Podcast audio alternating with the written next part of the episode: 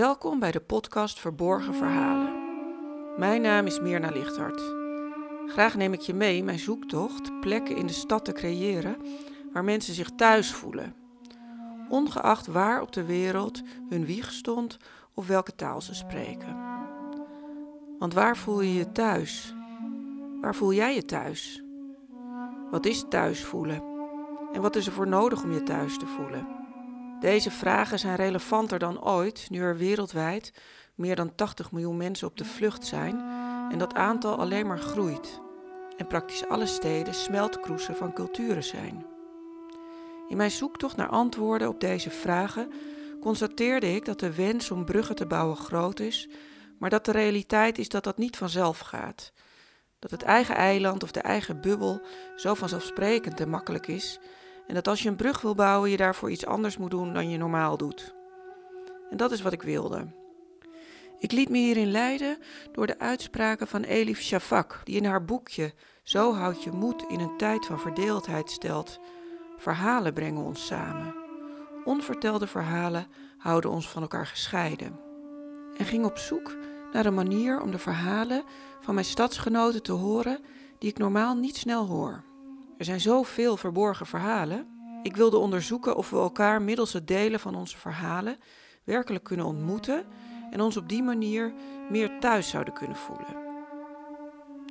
Ik benaderde Daulat Derbas en Suzanne Gijsbers met de vraag me daarbij te helpen. Daulat is docent Arabisch en is zes jaar geleden gevlucht uit Syrië naar Nederland. De vraag raakte mij direct. Het thema van thuisvoelen is iets dat mijn hele leven al speelt. Mijn grote ouders zijn gevlucht uit Palestina naar Syrië en Irak. En hoewel ik zelf in Syrië geboren ben, heb ik nooit de Syrische nationaliteit gekregen. Ik was altijd bezig met de vraag of ik thuis ben in Syrië of niet. In 2015 moest ik opnieuw vluchten en kwam in Nederland terecht. Toen ervaarde ik iets heel anders. In Nederland kreeg ik wel de nationaliteit. Maar is mijn probleem juist de taal? De taal is een groot obstakel. Ik heb meerdere eigenschappen en kwaliteiten, maar meestal kijken mensen maar naar één aspect van mij. Hoe spreek ik de taal? Daar voel ik vaak een oordeel. Tegelijkertijd kan ik in mijn werk als onderwijsassistent vaak de brug zijn tussen twee culturen en twee talen. Zou ik in dit project ook de brug kunnen zijn tussen Haarlemers uit verschillende culturen, zodat alle verhalen gehoord kunnen worden? En zou dat helpen bij een gevoel van thuisvoelen?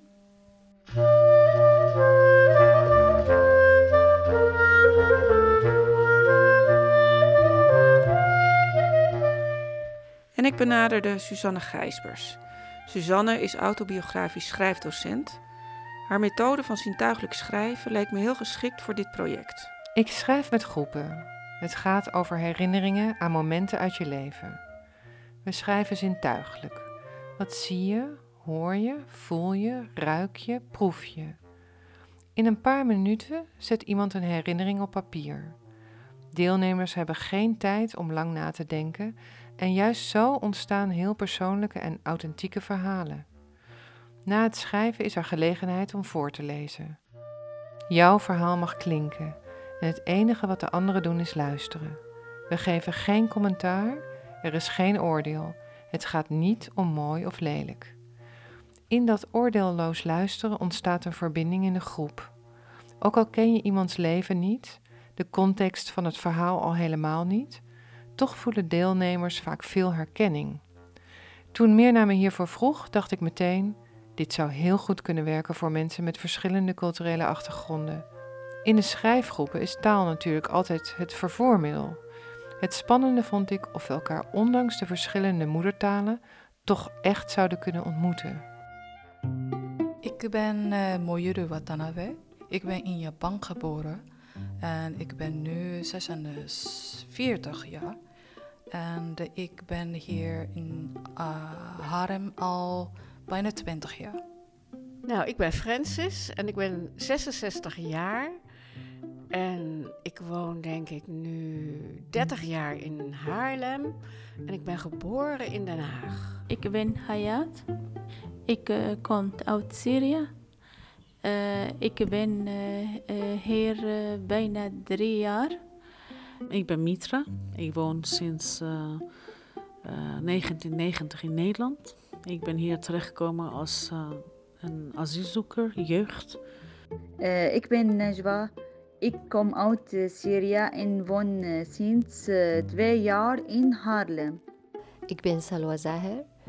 In zomer 2014 ben ik naar Nederland aangekomen. En uh, toen moest ik uh, een jaar wachten voor mijn uh, gezinhereniging. Mijn naam is Tomoko Nomura en ik kom uit Japan. En ik was 26 toen ik hier in Nederland kwam. Dat betekent dus ik ben zo 23 jaar lang in Nederland. Ik ben Nisreen Al-Nasser uh, uit Syrië. Ik ben ja, sinds 2015 uh, gevlucht naar uh, Nederland. Ik ben Mariam Kadabachi, maar ik heb uh, onder naam Robert Mijn Rosa. Ik heb drie kinderen en uh, ik kom uit Syrië. Uh, ik ben in Nederland sinds drie jaar. Ik ben Eileen Kiesberry en ik ben ooit eens in 1950 ben ik geboren in Den Haag. En ik woon sinds ruim een jaar in Haarlem.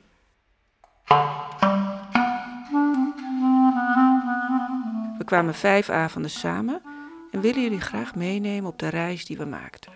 We hebben hard gewerkt en veel geduld gehad om elkaars verhalen echt te horen. Ook van jou als luisteraar zal dat af en toe geduld vragen. We willen je uitnodigen om dat geduld op te brengen, om jezelf te oefenen in het echt luisteren naar een ander.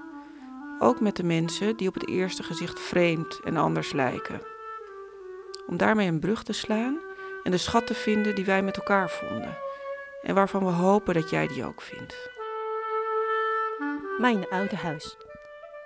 Mijn huis was in een smalle maar drukke straat in de voorstad van het centrum van Kyoto.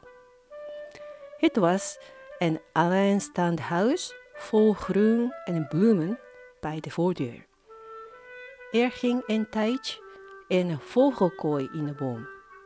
En er lag een tijdje een hondje te slapen bij de poort.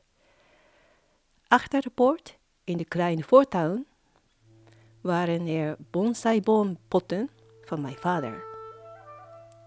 Tussen de bomen ging een uh, geplaveid pad naar de voordeur. En bij de voordeur was een uh, houten hondenhok gemaakt door mijn vader. De voordeur was een schuifdeur en vaak niet op slot. Als ik de deur opende, zeggende ik ben thuis, was mijn moeder vaak aan het naaien op de naaimachine. Waar ik mijn schoenen uitdeed, was er een grote schoenkast. En daarboven hing de natuurfoto van mijn vader. Ook hing er een tijdje een olieverfschilderij dat ik op de middelbare school maakte. Er was een trap in de hal naar de tweede verdieping. Maar vaak ging ik meteen door naar de keuken en opende de koelkast. De eetkamer was een beetje donker, maar daar zaten we vaak samen. Daarachter was een kamer met een televisie en een zitbank. Ernaast de mijn elektrisch orgel die ik speelde van mijn vierde tot 18 jaar. Daarachter was een Japanse stijlkamer. Er kwam een zacht licht binnen door de shoji, de schuifdeur van hout en papier. Naast die kamer was er een heel smal achtertuintje. En die was weer vol bonsaibomen van mijn vader. Daarachter was de grote tuin van de buurman. En verderop zag ik een rij kelsenbloembomen bij de rivier. Door de voordeur hoorde ik de drukte van de straat en van de achterkant hoor ik het geruut van de trein. Maar tussen de groene bompjes was mijn huis en een rustplaats.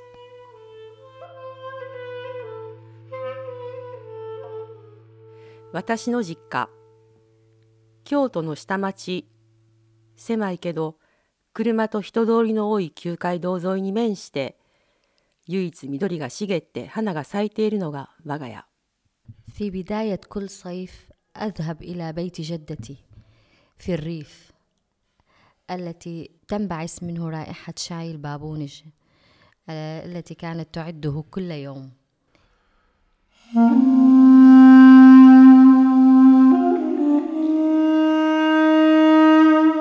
إكفول دمتاوس أنت بخين فالإلكا سومر خائك نارد هاوس فان ما مودر أوبهيت بلاتا لندن Het ruikt naar kamillethee, die mijn grootmoeder elke dag maakt. Deze geur hoort bij haar huis. Ik herinner me dat aan de voorkant van het huis een mooi raamje, zit met een gordijn van kleurige bloemen.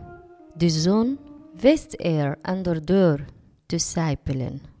Ik ruik nog de geur van oude bulgur in de pannen van aardewerk. Daar in het huis van mijn grootmoeder voelde ik me thuis.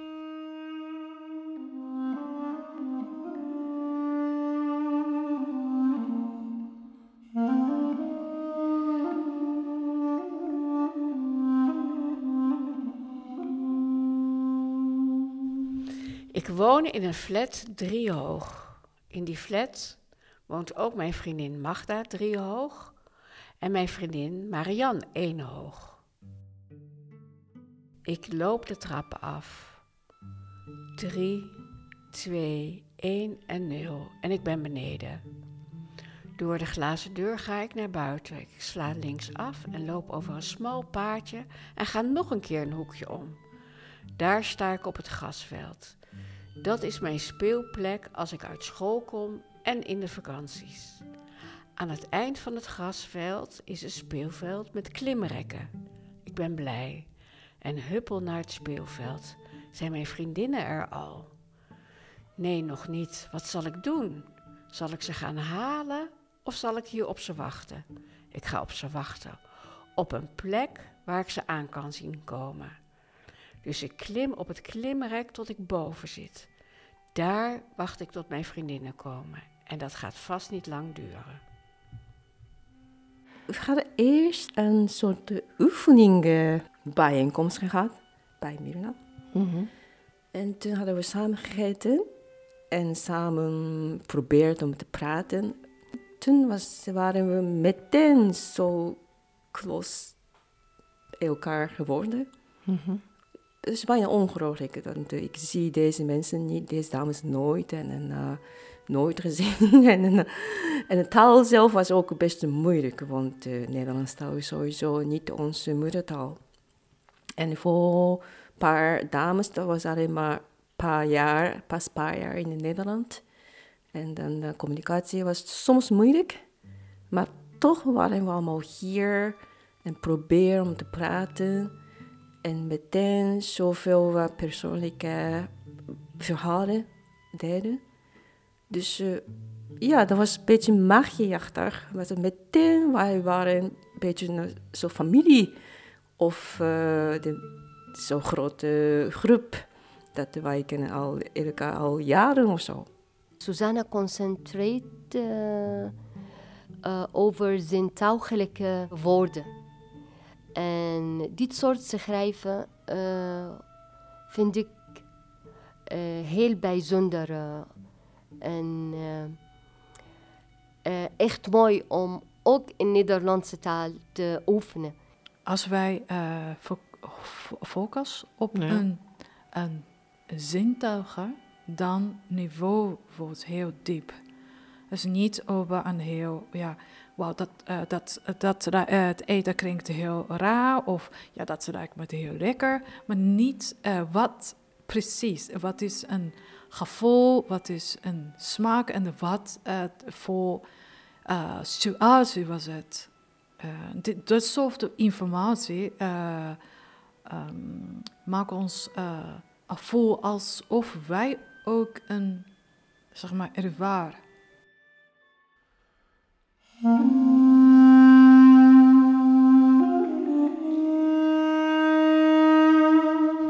Gigantische moerbijenbomen. Ons kinderlijk gelach terwijl we rennen. Achter ons lopen de moeders op de lange stoep.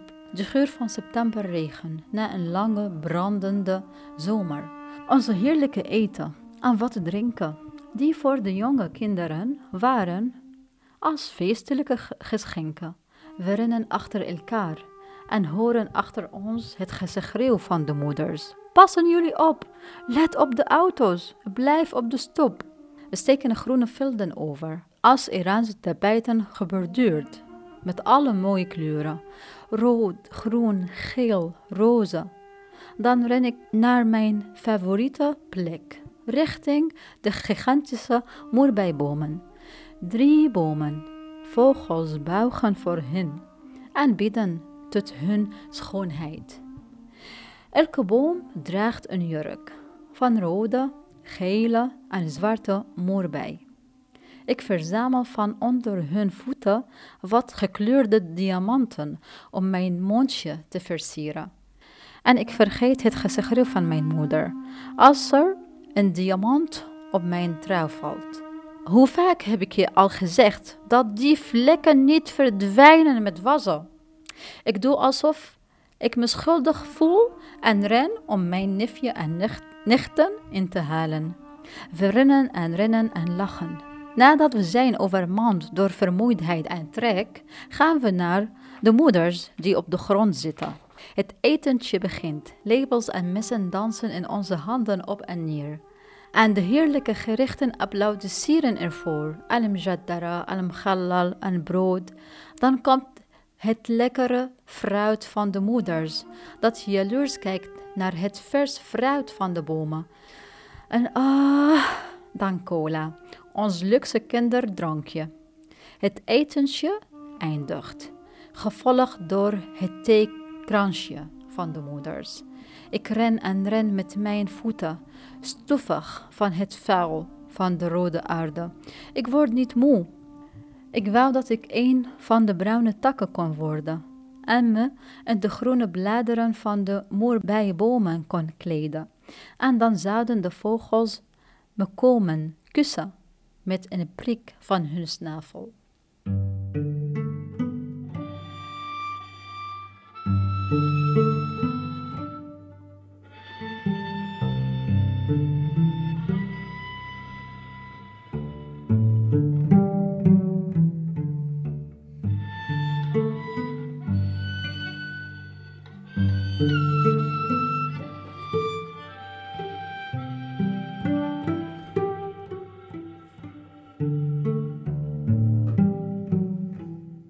Ik mis de geur van verse brood.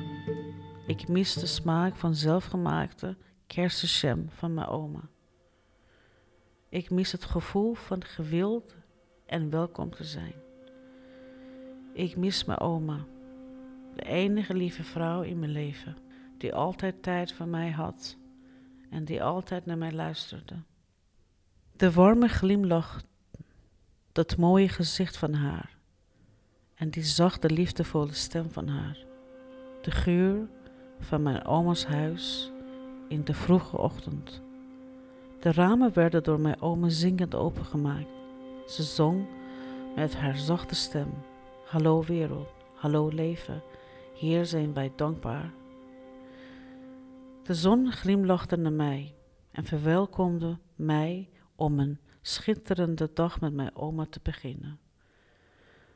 De geur van de wilde rozen en jasmijn kwamen naar boven naar mij, via de mooie kleine witte en hemelblauwe raam die mijn opa had geschilderd. Ik was blij en ik voelde me gelukkig bij mijn oma.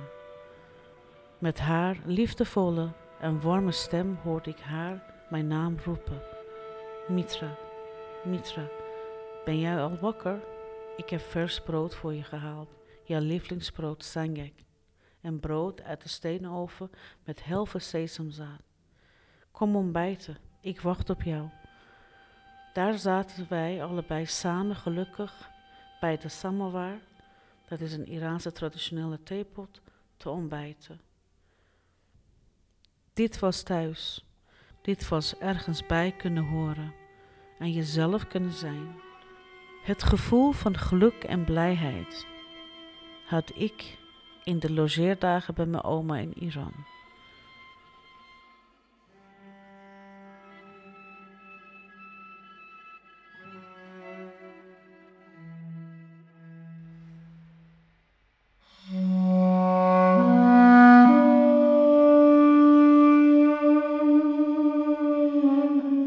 Hier in Nederland was de taal helemaal totaal onbekend.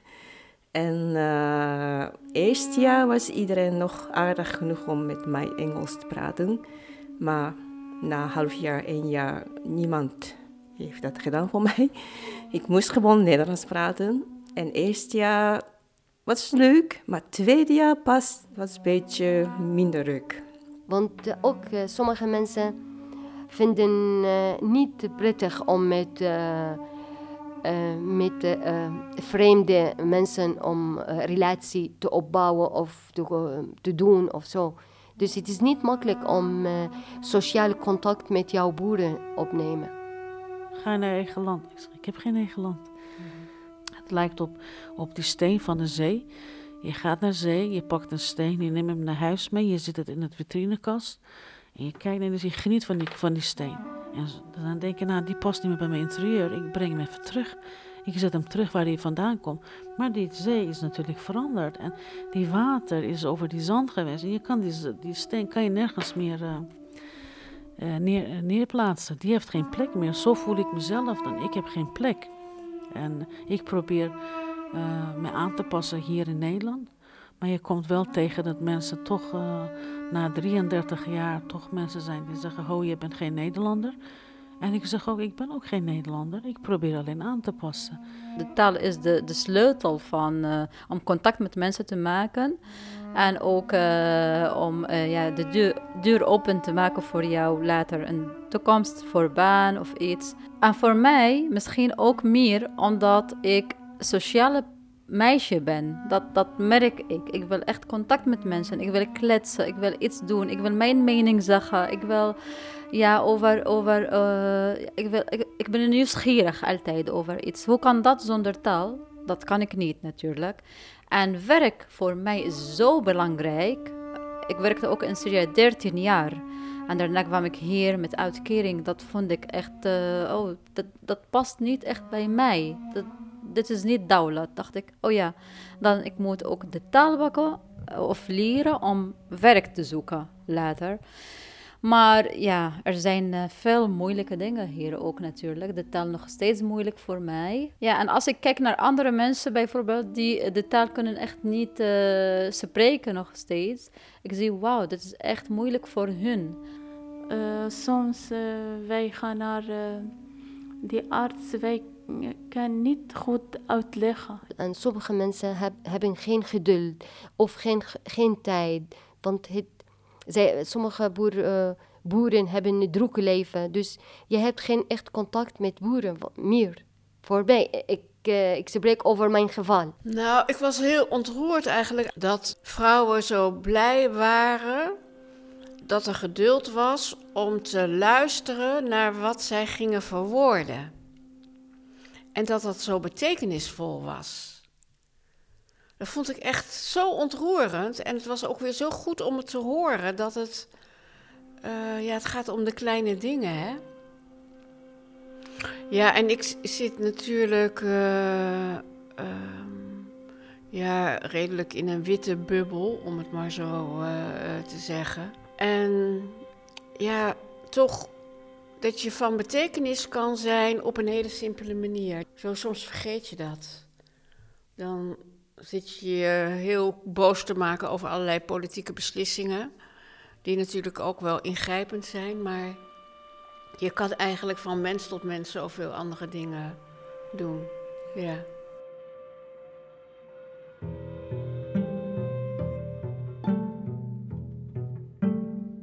Waar voel je je thuis? Kunnen we plekken in de stad creëren waar mensen zich thuis voelen? Door delen van onze verborgen verhalen, zoals Elif Shafak suggereert. Ja, zoals Tomoko in deze podcast zegt, het delen van je verhalen is magisch, is ook mijn ervaring.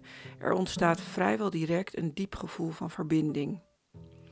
En het feit dat de ander de tijd neemt jouw verhaal te horen, blijkt een cadeau waardoor de tranen soms maar bleven stromen.